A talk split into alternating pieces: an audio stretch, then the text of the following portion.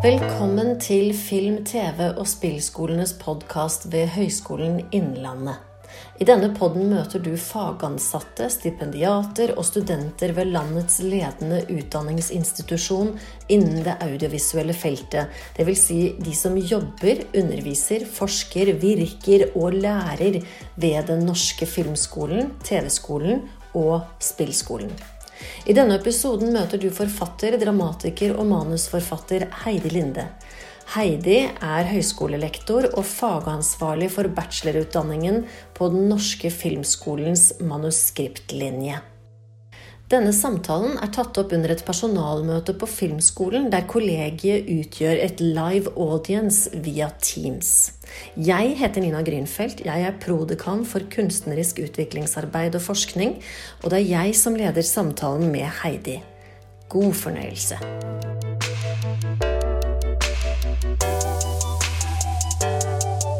Velkommen, Heidi, til aller første samtale om kunstnerisk virksomhet om undervisning og pedagogikk, og kanskje om livet. Eh, Raymond Carver han har jo en novellesamling som heter 'What We Talk About When We Talk About Love'. Og jeg tenker at eh, vi kan kanskje innlede med å si hva vi snakker om når vi snakker om KU. Og KU er jo forkortelsen for kunstnerisk utviklingsarbeid. Jeg liker egentlig å kalle det for kunstnerisk forskning, men om dette så er det en stor diskusjon, og vi skal ikke gå inn i detaljene på det.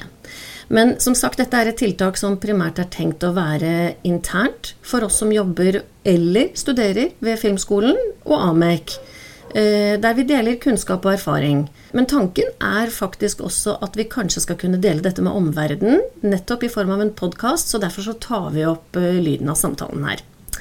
Og så tenker jeg at Mot slutten av samtalen så kan vi åpne for spørsmål. Jeg tenker Vi holder på kanskje i en sånn røffelig halvtime. Eh, og det kan jo enten skje ved at dere sender inn spørsmål i chatten, så skal jeg se om jeg klarer å multitaske og få med meg det. Eller at dere rett og slett rekker opp en hånd i eh, Teams-rommet og ber om ordet. Vi har rett og slett live audience her, eh, Heidi. Folk er til stede i dette digitale rommet. Så først, Heidi. Du er dramatiker. Du underviser på Filmskolens manuslinje. Du er forfatter med, hvis jeg har regnet riktig, åtte romaner og tolv barne- og ungdomstitler Det har du på CV-en. Du har skrevet manus for TV og radioteater. Du publiserer faktisk kunstneriske arbeider så godt som nesten hvert eneste år. Det er rett og slett ganske imponerende.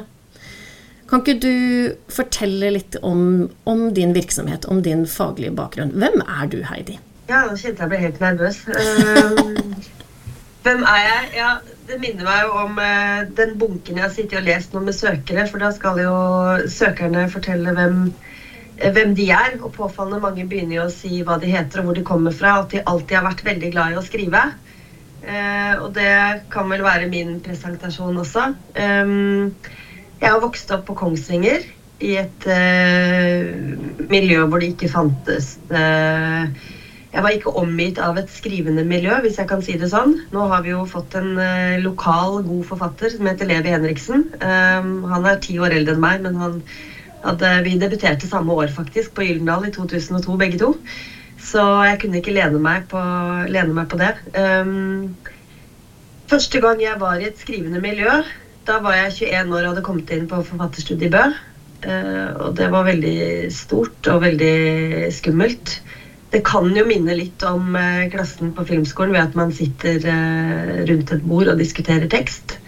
Men det skjedde på en veldig annerledes måte. Og studentene på manus, i manusklassen snakker veldig mye om å skape det trygge rommet.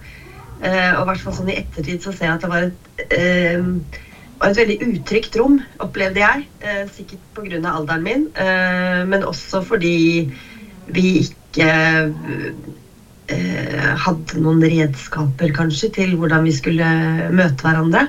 Så det er noe jeg har vært utrolig opptatt av eh, som lærer. Og hvordan skaper vi det trygge rommet? Fordi vi er bare seks stykker. Og det å Um, altså alles utdanning er jo Den enkeltes utdanning er alles utdanning. Uh, vi utdanner manusfattere, men vi utdanner også gode lesere og dramaturger. Så det å sitte i et rom og være konstruktive Og de som går der nå, har jo vært så fine med hverandre at jeg på et tidspunkt måtte si at det å være greie mot hverandre er ikke bare å si at du har skrevet en helt fantastisk tekst. Nå må vi liksom videre inn eh, videre derfra. Jeg var 26 da jeg begynte selv på filmskolen, og da hadde det gått Det var jo da fem år etter, eh, etter Bø, og en ganske sånn annen opplevelse å komme dit. Og det som hadde skjedd med meg i løpet av de fem åra, eh, handla sikkert om, eh, om, modning, men også Jeg hadde da fått utgitt eh, to barnebøker. Jeg hadde studert eh, litteraturvitenskap, eh, forfatterstudie Bø, som sagt, eh, noe kulturfag.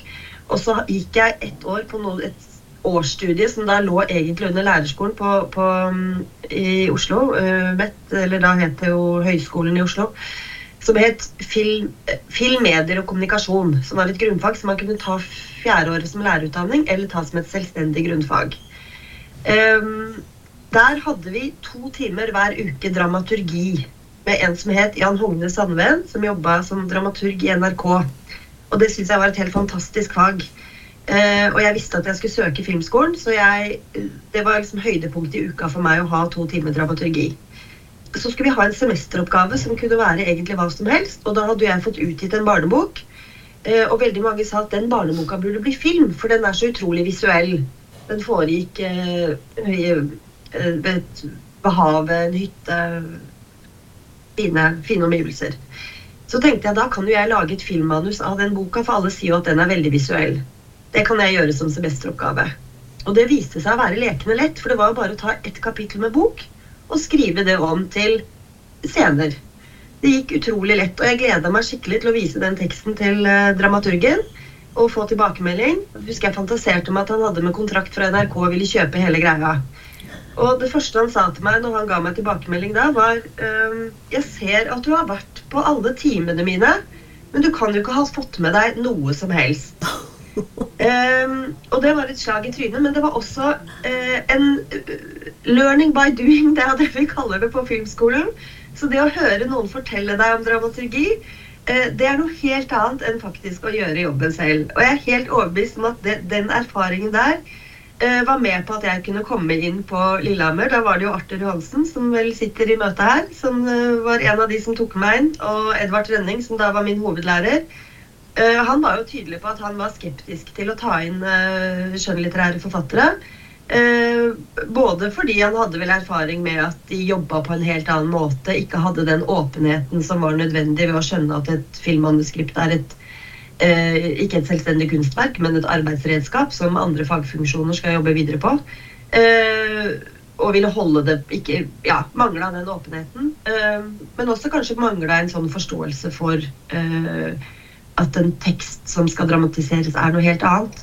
Så jeg kunne i hvert fall reflektere veldig godt rundt uh, den erfaringen. Det jeg gjorde da, var at jeg kasta uh, i, på dette, denne semesteroppgaven, var at jeg kasta alt sammen og begynte på nytt. Altså Jeg gjorde jo da en, eh, en adopsjon, og det vi lærte av Aksel Helstenius om adopsjon da jeg gikk på Lillehammer, var jo les boka, kast boka og skriv filmen. Så det at noe er veldig visuelt, eh, er jo ikke Er det dramatisk? Er det en karakter som handler? I den boka skjedde det veldig mye med, eh, med hovedpersonen. Så det, det, har jeg tenkt mye på. Forskjellen Du spurte meg litt, Nina, med, med, forskjellen mellom å skrive litteratur og det å skrive dramatikk. Og jeg tenker veldig ofte at det er så utrolig likt, fordi det handler om å finne eh, noen karakterer som man virkelig bryr seg om. De skal bære hele fortellinga, uavhengig av eh, sjanger og format og målgruppe. Men nettopp dette at når jeg skriver en roman, så vet jeg at nå skriver jeg Eh, det endelige verket.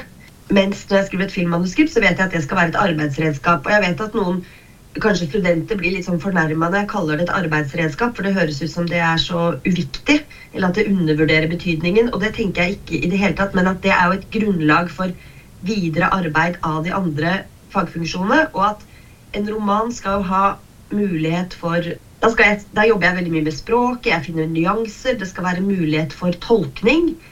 Og filmen kan jo veldig gjerne tolkes, men manuskriptet bør være så tydelig som mulig. fordi hvis jeg leverer et manuskript hvor hver fagfunksjon må sitte og tolke hva jeg har forsøkt å fortelle, så forsvinner jo hele substansen eller hele visjonen.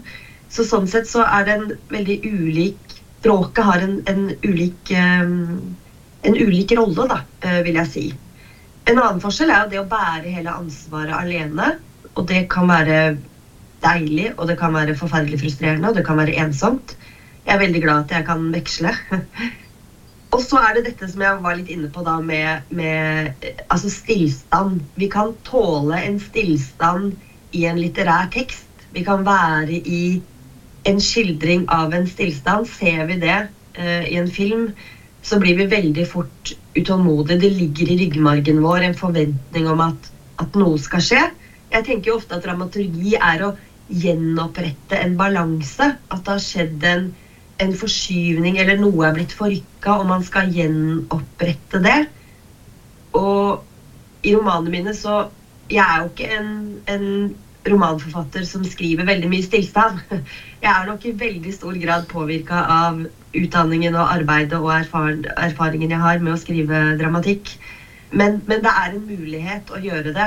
Det det mange, Jeg leste nylig en bok som heter 'Velkommen til dyrehagen'. men heter Silje Bekeng Flemmen som skriver en sånn slags tilstandsrapport fra, fra barsellivet, som egentlig er en sånn uh, stillstand over, uh, over 150 sider. Og det, er, det var en fin, fin leseopplevelse, men, men uh, Det er ikke sånn du skriver?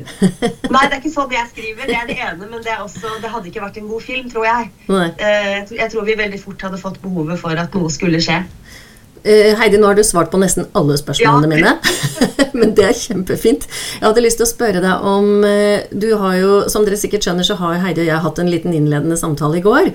Og noe av det som slår meg, og som jeg syns er interessant, er jo at, uh, som du allerede har nevnt, du har jo studert selv ved Filmskolen. Hvilket år var det du gikk ut, Heidi? Det var i 2002, så det var det andre kullet. Ja, ikke sant. Det er 20 år siden, rett og slett.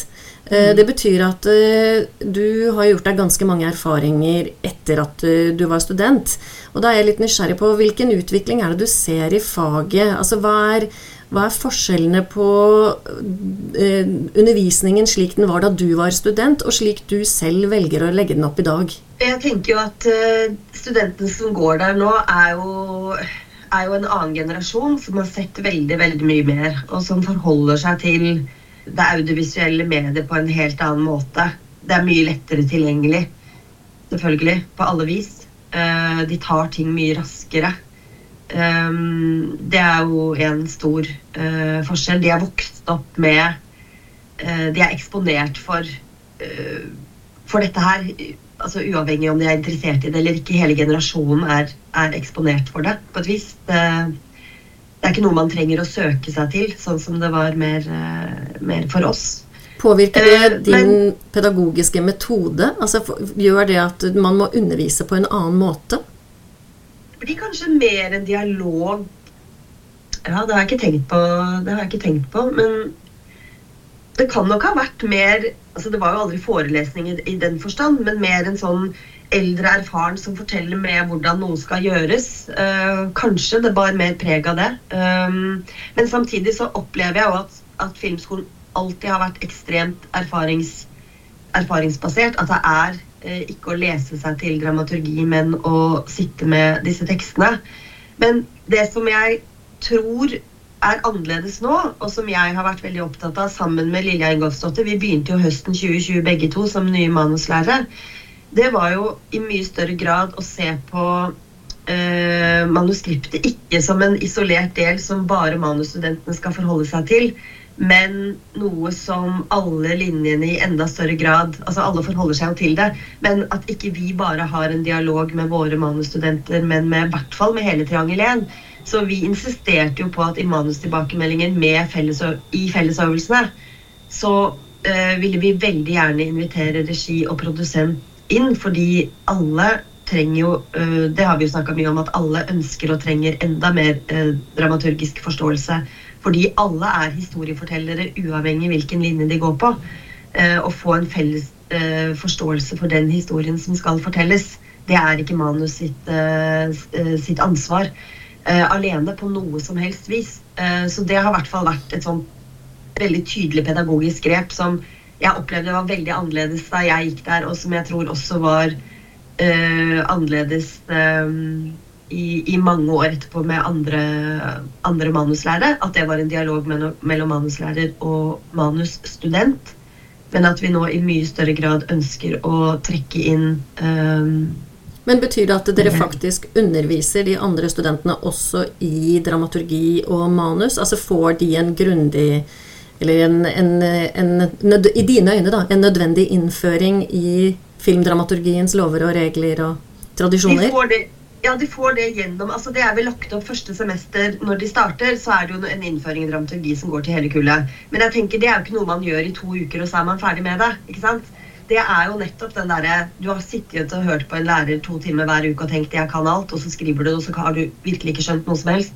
Så jeg tenker jo at regi og produsent får dramaturgiundervisning ved at de er med og hører hvordan vi snakker om en tekst, og hva som ikke funker, eh, hva som mangler. At de er med i de samtalene med den teksten som de skal ut og produsere eller ut og regissere. Mm. Jeg tenker, Heidi, jeg er litt nysgjerrig på, på, deg. What makes you tick? Altså jeg ser at eh, Hvis jeg går igjennom CV-en din, så arrester meg hvis jeg tar feil, men det kan virke som at når du jobber for det audiovisuelle mediet, så jobber du mer mot yngre målgrupper, holdt jeg på å si, publikum. Mens i dine litterære verker så er det også i større grad et voks, mer modent publikum. Framfor alt er jeg veldig nysgjerrig på hvor henter du din inspirasjon fra? Hva er på en måte liksom ditt kunstneriske omdreiningspunkt? Hva er det du søker deg tilbake til? Hva, hva liksom, Fins det i deg et slags kjernespørsmål i det du er opptatt av, rent tematisk?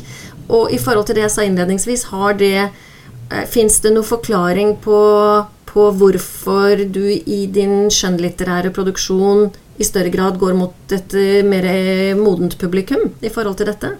Som jeg sa innledningsvis, jeg vært, eh, hvis jeg skulle sendt en eh, opptaksprøve nå, så hadde jeg vært sånn, alltid vært glad i å skrive. Som er liksom klisjeen som 90% skriver når de sender inn den selvbiografien. Men eh, jeg var et skrivende barn. jeg var ikke et, i et skrivende miljø, men jeg var et skrivende barn. Fra, altså fra 10-11-årsalderen så tilbrakte jeg mye tid med å skrive. Um, det har vært en ekstremt sterk eh, drift uh, fra jeg var liten. Den har ikke slutta på noe tidspunkt. um, og det som drev meg da, og som jeg tror er det altså Hvis jeg skal gå til en kjerne av noe, så, så tror jeg vel det er dette med å observere altså alt av menneskelig samhandling. Um, og en forfatter som heter Marie Aubert, som jeg liker veldig godt, som jeg har brukt litt i, i undervisningen. Hun har veldig fine, veldig fine noveller. Har også skrevet noen romaner nå, eh, men eh, begynte som novelleforfatter. Og jeg leste, leste, et intervju med henne hvor hun snakket om at uh, når hun skrev noveller, så skrev hun at jeg har ikke tid til å skrive romaner fordi det er så mye uh, eller jeg vil, jeg vil, inn i de fortetta situasjonene. Jeg vil inn der det dirrer, sa hun om hvorfor hun valgte å skrive noveller. Og det er et begrep jeg har brukt mye i undervisningen. Jeg har også brukt novellene hennes fordi at de er veldig sånn fortetta situasjoner hvor ekstremt mye står på spill.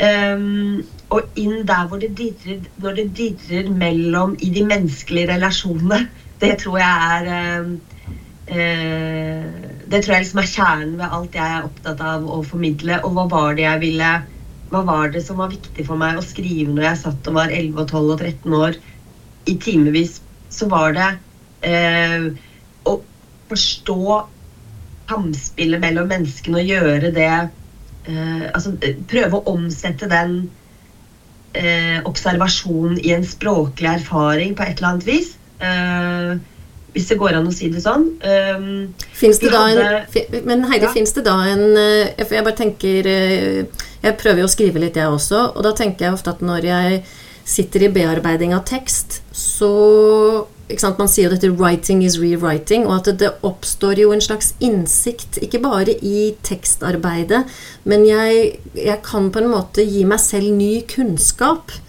om det jeg skriver om når jeg skriver. Så det jeg prøver å fiske litt etter, er ser du Fins det en slags metodikk i måten du jobber fram din tekst på når du leter etter disse mellommenneskelige relasjonene, hvis jeg forstår deg riktig? Går det an å si noe om det? Ser du at det er, på en måte, er det noe mønstre i Men jeg vet ikke.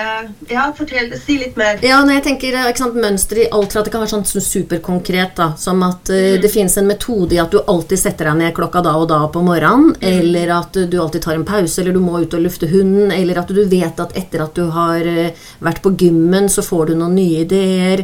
Altså, Ser du på en måte at det er noen er det noen noe, noe tydelige trekk i din helt konkrete skapende virksomhet? Og er det, er, fins det inspirasjonskilder du søker deg til for å få påfyll når du f.eks. stopper opp? Det, ser du liksom, har du noen sånne, sånne ja. erfaringer du kan dele med oss?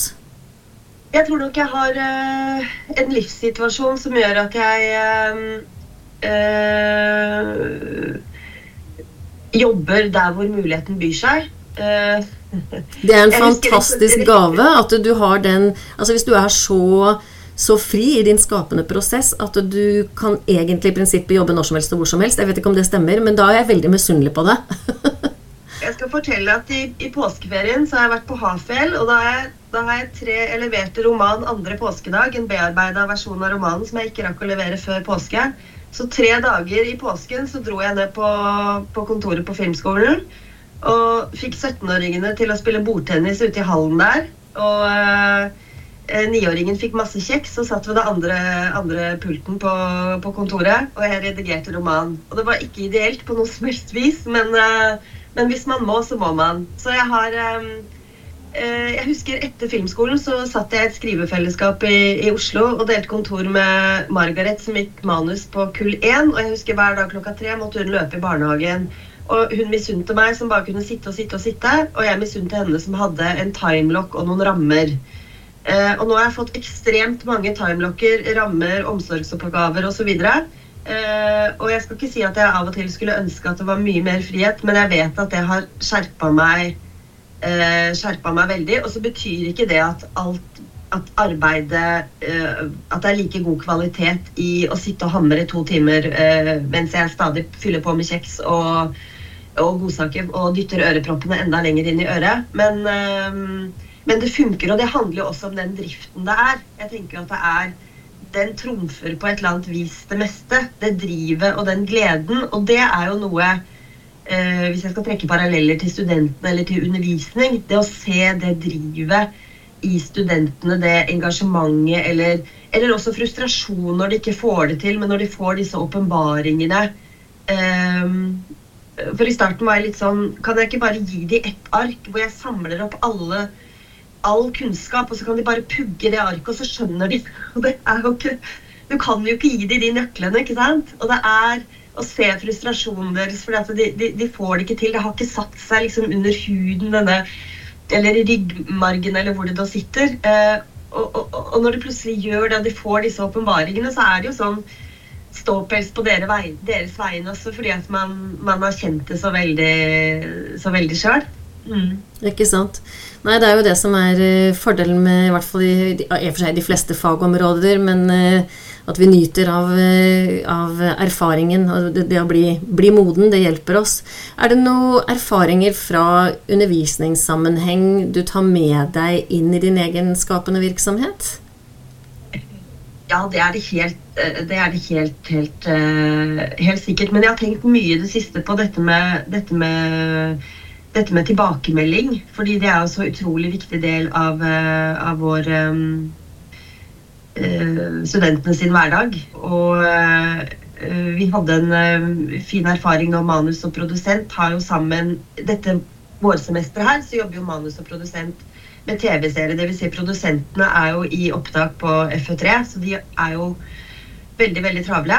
Men vi hadde to uker på nyåret hvor de fikk sitte sammen. Eh, ble delt inn i team. To manus, to produsenter. Eh, alle skulle komme med idé til TV-serie. Og i løpet av to uker så fikk de lande en idé og legge fram Eller lande først to ideer. Legge fram to ideer for tre mennesker i NRK Drama som vurderte disse to prosjektene og ga sin anbefaling til hvilken idé det de anbefalte studentene å jobbe med. Og så sitter manus nå og skriver ut konsept og to episoder. Måten NRK gjorde det på da, var at uh, da vi var der inne, så fortalte de da kort om disse to ideene. Og så snakker da uh, Marianne og Jan uh, Strande Ødegårdstuen og han sist eh, de snakker om prosjektet som om eh, manusstudentene ikke er der. Um, og eh, jeg merker at det er utrolig lett å stille spørsmål er det sånn eller sånn du har ment. Nei, det jeg har ment, er at uh, det jeg egentlig prøvde på Men det gikk Altså, vi har så utrolig behov for å forklare. Og, og ikke bare forsvare nødvendigvis ideen, men å forklare hva vi har tenkt. Lærdommen i at noen sitter og snakker om eh, en tekst. Hva fester vi oss ved? Hva er det vi ikke forstår? Eh, hva er det vi kunne tenke oss å spørre vedkommende om hvis vedkommende hadde vært her? Um, det er en utrolig fin måte, og veldig vanskelig måte, fordi at vi har som sagt så behov for å fortelle. Og det å lære seg å lytte. Hva er det, hva er det de andre fester seg ved her? Eh, og det hjelper ikke hvis du har tenkt? Det er jo hele tiden det med hvordan, hvordan omsette intensjoner eh, i handling. Og det er jo veldig mange av evalueringene vi gjør eh, med fellesøvelser også, ikke sant? er jo de har en intensjonsbeskrivelse, og alle fagfunksjoner skriver hva, hva, hva de ønsker å formidle. Eh, kjempespennende. Og så til syvende og sist så er det Eh, det som vises da på, på lerretet, det, det, kommer ikke med en, en, en, eh, sceneanvisning eller en beskrivelse når det skal møte sitt publikum til slutt. Det var kjempeinteressant. Det var, var en ting, faktisk et spørsmål som jeg hadde lyst til å bare få avklart med deg. For det første så har jeg lyst til å tipse om den artikkelen som Siri Senje skrev i Norsk Medietidsskrift før jul, hvor noen kollegaer på Amek og meg selv var faktisk redaktører. Og da skriver hun nettopp om tilbakemelding til, på, eh, fra konsulenter osv. til på manus, og hvilken verdi dette egentlig har. Og så lurte jeg på, bare så jeg forsto, for jeg syns det var så interessant det du sa, hvis jeg forsto det riktig, sier du at uh, oppgaven går ut på at studentene får lov til å lytte til Eh, dette panelet i NRK når de diskuterer ideen som om de ikke var til stede? Var det det som var Ja. ja nettopp. Så skulle de selv oppsummere for seg selv hva, det, hva er det vi sitter igjen med nå. Mm. Vi, og det er litt sånn som uh, Sirin har jo også noe hun kaller aktiv lytting. Um, dette var jo også en måte I høst så jobba vi jo med FØ3 starta jo med at Hva er FØ3? Ja, Fellesøvelse 3. Takk. Uh, da var regi, lyd og klipp i etterarbeid på FØ2, som var forrige øvelse. Eh, da satt foto, produksjonsdesign, produsenter og, og, manusforfattere seg ned og fikk en oppgave. Gå inn i din tid, se deg rundt, lag en eh, Utvikle en, en uh, historie, en visuell eh, Lag en visuell karamell, som vi kalte det, hvor fotografene og eh, i samarbeid med de andre fikk lage en um, Uh, ja, karamell var ordet, som ble stående. Hvor de fikk uh, lage en av 30 sekunder, uh, ett minutt, visuell fremstilling av hva dette kunne være. Um, da var jo regi og på sidelinjen, for de satt i, de satt i um, etterarbeid. og da lagde Sirin et opplegg som jeg syntes var kjempefint. Som var for at de skulle vite litt hvor ikke sant? Det er sånn, og nå har de begynt å utvikle en idé, og vi, er, vi er ikke en del av det, osv. Så, videre. så kom hver gruppe inn uh, til regissørene og fortalte om sin idé. Uh, og så skulle regissørene da sitte seks stykker rundt bordet og si hva, hva vekker det i meg, hva ble jeg nysgjerrig på her? Uten at de skulle spørre uten å, uten, å, stille spørsmål til, til den gruppa, så skulle de reflektere. Og så fikk gruppa lov å høre på hvordan regi eh. Sånn at å, det han de sa oppi, det ble de nysgjerrig på. Og det hadde de ikke forstått. Det betyr kanskje at vi må være tydeligere på det. Mm. Og så skulle de få oppsummere. Det jo, jeg tenker at det er litt sånn parterapi også, at nå hører jeg at du sier at ikke sant? For at vi har så veldig behov for å fortelle hva vi selv føler og syns og mener og syns de andre burde gjøre osv. Så, videre. så det å faktisk oppsummere hva man, eh, hva man hører eh, Og vi hadde jo Karen Bambrow som var hun var jo tilknytta filmskolen da jeg gikk der. Hun uh, fra Channel 4 og var vel sjef i NRK Drama en periode også. Og hun sa jo alltid til oss 'noter, ikke argumenter' når du skulle få tilbakemelding. Mm. Og det syns jeg fortsatt er Når jeg sitter i manusmåter og får tilbakemelding selv, så er det Det ligger helt framme i munnen å si 'ja, men det jeg prøver på', eller 'det jeg har tenkt', er at ikke? Og så er kanskje ikke det så viktig hvis Det er viktig for meg, og det er viktig for bearbeidelsen av teksten. Men det viktigste jeg kan ta med meg, er hvor skurrer det for mottaker? Hva er det som ikke når inn? Og så må jeg sitte og tenke hva skal jeg gjøre med det? Det må jeg finne en løsning på. Akkurat dette har vel også kanskje en overføringsverdi til livet generelt. Ikke sant? det å kunne klare å Til familie, til kolleger.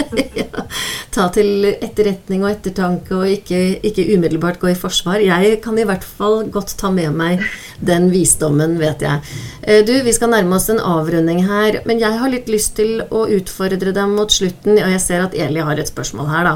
Da tenkte jeg, da stiller jeg først et spørsmål nå, Eli, og så skal Eli få lov til å komme på banen. Min oppgave er jo blant annet å utfordre dere på dette med eh, bevissthet rundt egen skapende virksomhet. Og dette kan man gjøre på utrolig mange måter, og det kan formaliseres på ulike måter også. Det vi gjør nå, er jo på en måte formidling av din eh, Der du reflekterer rundt din virksomhet. Så jeg er litt nysgjerrig på hva er ditt forhold til dette litt kontroversielle begrepet kunstnerisk utviklingsarbeid, eller hvis vi skal da legge fisken på disken, ditt forhold til kunstnerisk forskning? Eh, Jeg må si at det er eh, mer eller mindre fraværende. Eh, Det er noe jeg har tenkt ekstremt lite på. Og som jeg har blitt bevisst gjennom altså de siste årene, eller året kanskje aller mest, når dette er kommet opp. Eh, og f.eks. dette i går, når, du, eller når vi hadde en samtale tidligere i uka, uh, hvor du spurte hva er, fors hva er forskjellen mellom å skrive litterært og, og skrive dramatikk, så så sa jeg jo at nei, men det er egentlig ingen forskjell. Uh, og så ble jeg gående og tenke på det etterpå.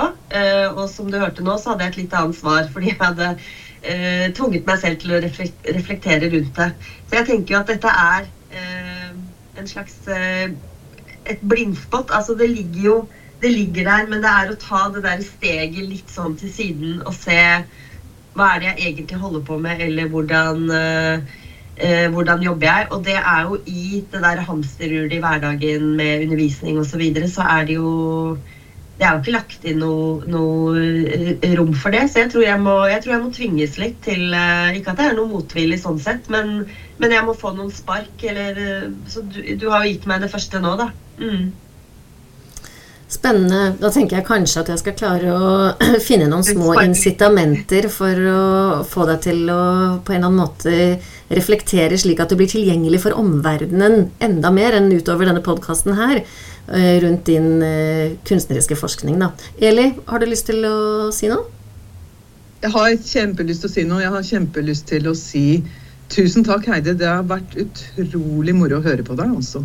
Og utrolig moro å høre hva du tar med deg inn i skolen og i vårt, eh, inn i vårt miljø, egentlig. Eh, morsomt også å høre deg eh, respondere på Ninas eh, spørsmål. Jeg tenker, Heidi, jeg har veldig lyst til å spørre deg med utgangspunkt i det jeg nå vet at du har vært har hatt et forhold til filmskolen i 20 år. Og at du helt sikkert i løpet av den tiden har vært inn og ut og har utviklet et veldig tett forhold sikkert til eh, studenter av forskjellige generasjoner. Gitt de feedback, jobbet, jobbet også på den måten at de har gitt deg feedback også, helt sikkert. Jeg må spørre deg, hvorfor underviser du? Jeg har vært her noen ganger, jeg har vært på skolen noen ganger, og så kom jeg opp igjen Jeg ble bedt om å ha et barne-TV-seriekurs våren 20, da Trond Morten, eh, det året han var lærer. Og samtidig så skulle jeg også, jeg og Katrine Valen skulle også møte Dette var kull 12. Jeg skulle også møte kull 11 og gi tilbakemelding på deres personlige prosjekt. De var akkurat i gang med personlig prosjekt. Eh, Da hadde jeg og Katrine en kjempefin dag med de seks avgangsstudentene. Dette var i januar, så de var, de var i oppstarten av prosjektene sine.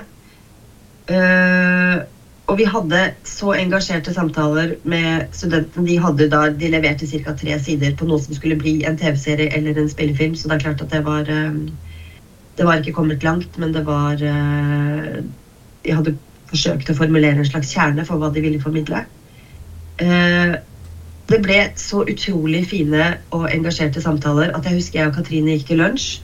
Og vi fortsatte praten eh, om det ene prosjektet som vi nettopp hadde snakka om. Eh, vi klarte ikke å stoppe å snakke om det. Eh, alt, alt, hele det potensialet som lå i det Det var Rakel Kraft sitt prosjekt, husker jeg. eh, en TV-serie. Vi var utrolig eh, entusiastiske og snakker inn i lunsjen. Og så husker jeg at jeg sier og det som er så fantastisk, for det var jo, ikke sant, det sto litt fast, og det var ikke låst, og det var ikke knekt, og det var ikke, ikke sant, men det, var, det, det lå så mye der. Og så sier jeg på vei inn i kantina at og det som er så fantastisk, er at det er verken du eller jeg som må løse dette her.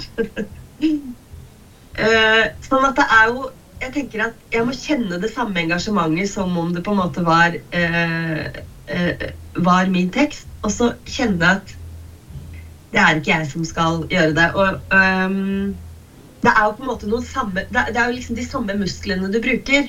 Eh, og det å, kjenne en sånn eh, glede og begeistring over å skulle skape eh, Det må jeg kjenne for å kunne skape selv. Men jeg tenker at jeg må også kunne kjenne det for å være en god lærer. Eh, hvis dette bare blir eh, matematikk, som dramaturgi på en måte også er, så bør jeg virkelig slutte. Um, og jeg husker jeg var hos, uh, var hos, Arthur på NFI med spillefilmprosjekt. Uh, jeg og regissør uh, Halvard Brein var der i en og en halv time. Og da tror jeg de første ti minuttene var liksom eh, hva som funka, og så var det eh, 1 time og 20 minutter om alt som ikke funka. Og jeg gikk fra det møtet, og jeg dirra av begeistring. Ikke sant?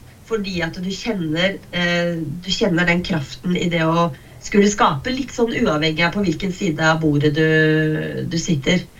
Så hvorfor jeg underviser um, det er jo å bruke, bruke, de samme musklene, den samme begeistringen, den samme, faglige kompetansen eh, på noen andre sin historie. At det er en Ja, det kjennes som en skikkelig fin eh, en, en, gave å få være med på. Og, og, og, og jeg veit jo også de tre, for, de tre, årene så ekstremt formgivende de har vært for meg. Faglig, sosialt, på alle mulige vis.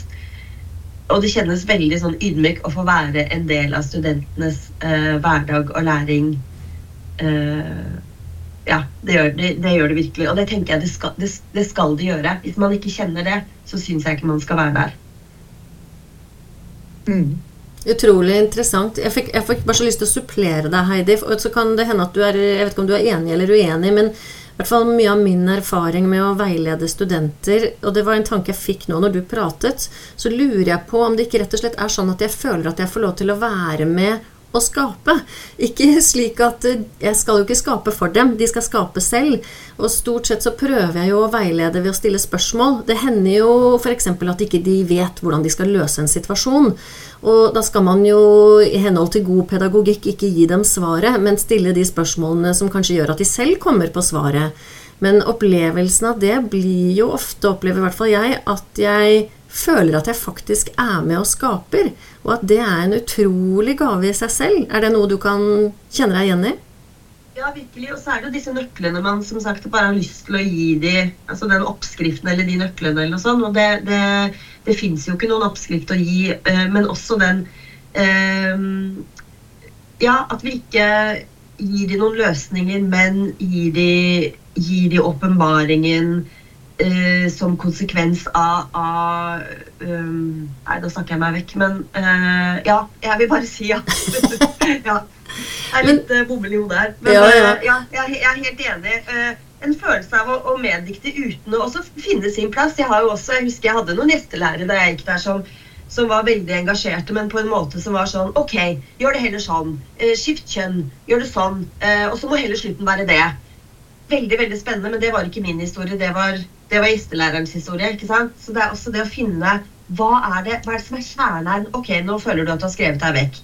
Hvorfor hva, La oss ta et steg tilbake. Hvorfor i utgangspunktet ville du fortelle denne historien? La oss gå tilbake dit. ikke sant? Mm. Så det er jo det derre krattet man skal gjennom, og så prøve å Ok, da skal jeg avslutte, Heidi, med et siste spørsmål til deg. Og det er eh, Hvis en ting er enten da hva jobber du på nå, eller hva er det prosjektet du ennå ikke har gjort, som du må gjøre før du dør? Vi må slutte med litt dramatikk. Ja, ja ikke sant. Eh, nei, nå fikk jeg tilbakemelding på roman uh, rett før møtet her, så nå er jeg veldig letta for det. Så den kommer til sommeren. Um, Gratulerer. Det er det jeg har gjort nå. Og så håper jeg å søke NFI med spillefilm. Jeg har ikke gjort spillefilm. Eh, Men jeg har tenkt på en eh, lenge, så jeg håper jeg har tid til å jobbe gjennom den søknaden. Jeg har et prosjekt der som jeg veldig gjerne vil få realisert. Og det er, for et voksent publikum. Ai, ai, ai, så spennende. Du er kjempeinspirerende for oss alle sammen, Heidi, med din produktivitet. Eh, tusen, tusen takk for at du ville bryte isen her inn i dette lille pod-opplegget vårt og formidle vår kunstneriske virksomhet. Og så skal jeg utfordre dere andre her ved en senere anledning. Og så benytter jeg bare anledningen til å ønske alle en riktig god helg.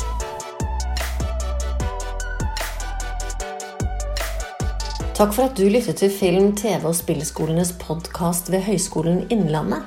Klikk gjerne abonner i din foretrukne spiller, og du vil motta beskjed om når neste episode blir publisert.